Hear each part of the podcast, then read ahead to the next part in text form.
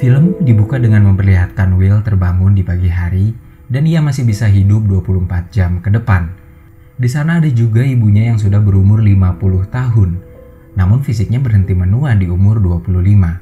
Ibunya harus berangkat bekerja di pabrik garment karena harus membayar hutang sewa tempat dan listrik dan berjanji akan menemui anaknya yaitu Will besok di halte bus.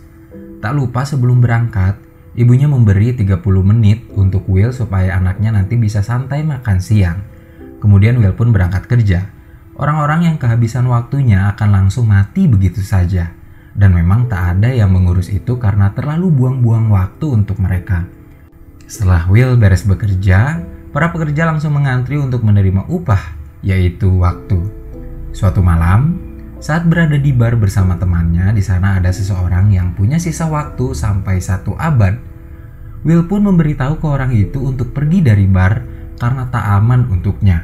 Benar saja, tak lama beberapa preman datang dan berniat mencuri waktu dari pria itu. Tak disangka, Will membantu pria itu untuk kabur. Setelah berhasil melarikan diri, Will membawa pria itu ke sebuah gedung kosong. Akhirnya di sana mereka aman. Ternyata paginya, Will melihat waktu di tangannya menjadi satu abad. Orang itu memberikan waktunya secara cuma-cuma kepada Will, karena ternyata orang itu sudah terlalu lama hidup di dunia dan benar-benar merasa bosan. Malamnya, ibunya akan bertemu Will di halte bus, tapi sayang, harga bis mendadak naik menjadi dua jam, padahal sebelumnya hanya satu jam. Ibunya pun lari sambil sesekali meminta tolong kepada orang, tapi tak ada yang mau menolong. Will yang tak melihat ibunya di dalam bis pun langsung berlari menyusul ibunya. Waktu ibunya hanya tersisa beberapa detik lagi. Will berusaha untuk menggapai ibunya tapi sayang, waktunya tak terburu untuk itu semua. Ibunya pun mati. Will pergi dari tempat itu.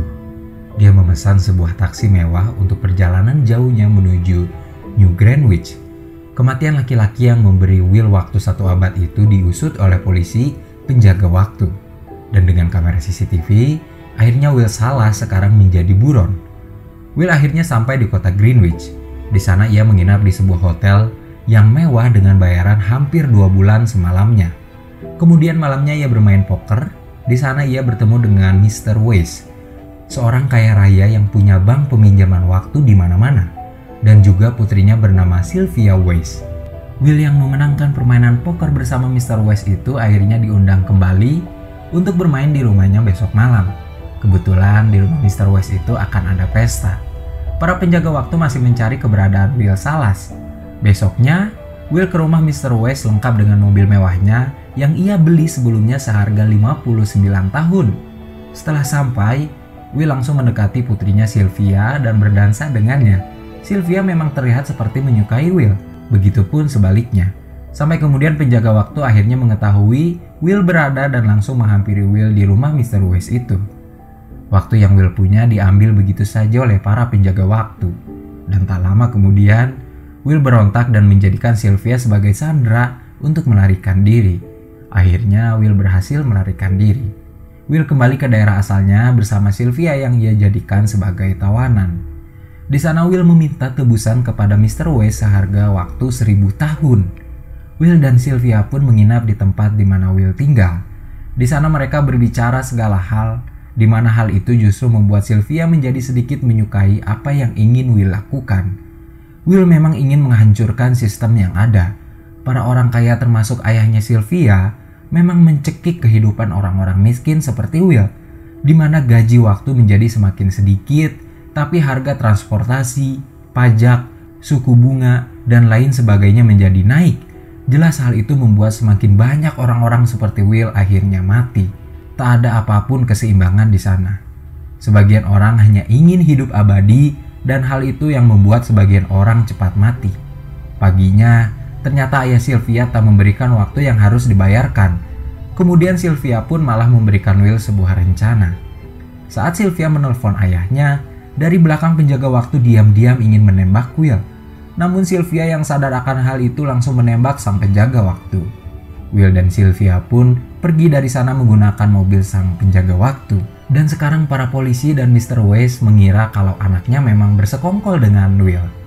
Karena tak bisa terus-menerus berkendara menggunakan mobil polisi, Akhirnya Will dan Sylvia pun mencuri mobil. Sekarang, berita kejahatan Will dan Sylvia sudah tersebar ke seluruh penjuru dunia. Tapi Sylvia sama sekali tak menyesali apa yang sudah ia perbuat. Sekarang ia paham betul kalau ayahnya lah yang memang seseorang yang sangat rakus yang mengakibatkan banyak orang mati. Polisi itu sudah mengeluarkan perintah untuk menangkap Sylvia juga.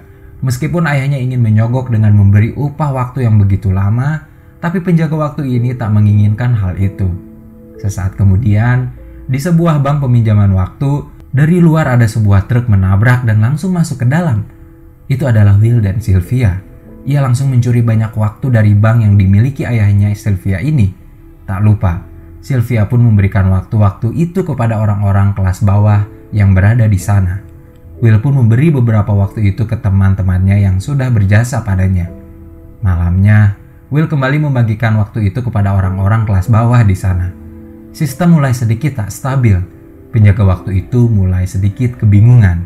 Orang-orang kelas bawah kembali mempunyai harapan. Bahkan sekarang, mereka sudah bisa melawan preman-preman yang sering mencuri waktu dari mereka.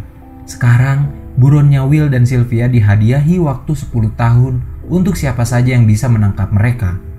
Malamnya, penjaga polisi itu menggerebek keberadaan Will dan Sylvia. Mereka berdua langsung melarikan diri dari sana.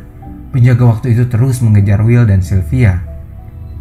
Will dan Sylvia pun akhirnya berhasil melarikan diri dengan masuk ke dalam bus. Besoknya, mereka berdua pergi dari sana dan memesan sebuah hotel. Will memesan seluruh kamar yang ada di sana dan menyuruh penjaga hotel untuk menutup hotelnya.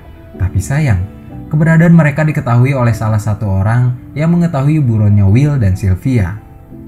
Malamnya, orang yang tahu keberadaan Will itu dipalak preman. Karena takut waktunya diambil, orang itu pun memberitahu keberadaan Will dan Sylvia. Preman itu pun langsung menggerebek mereka berdua yang berada di hotel itu.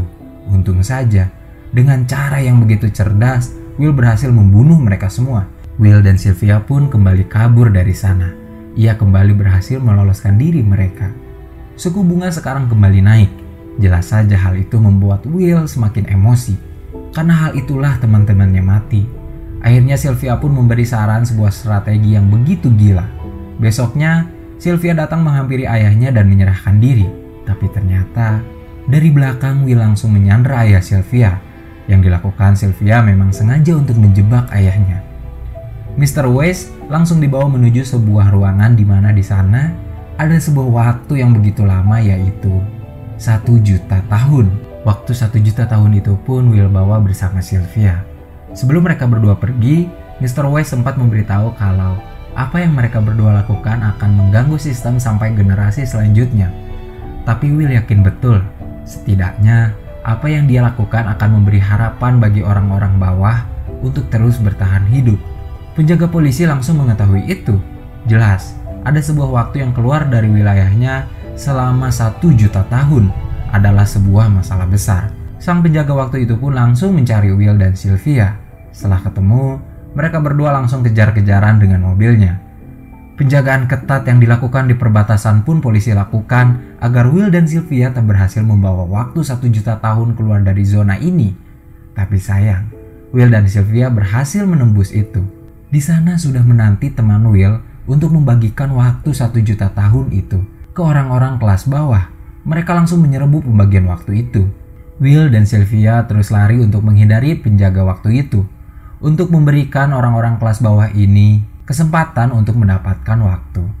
Saat akhirnya tertangkap, penjaga waktu itu lupa kalau waktu di tangannya sebentar lagi akan habis.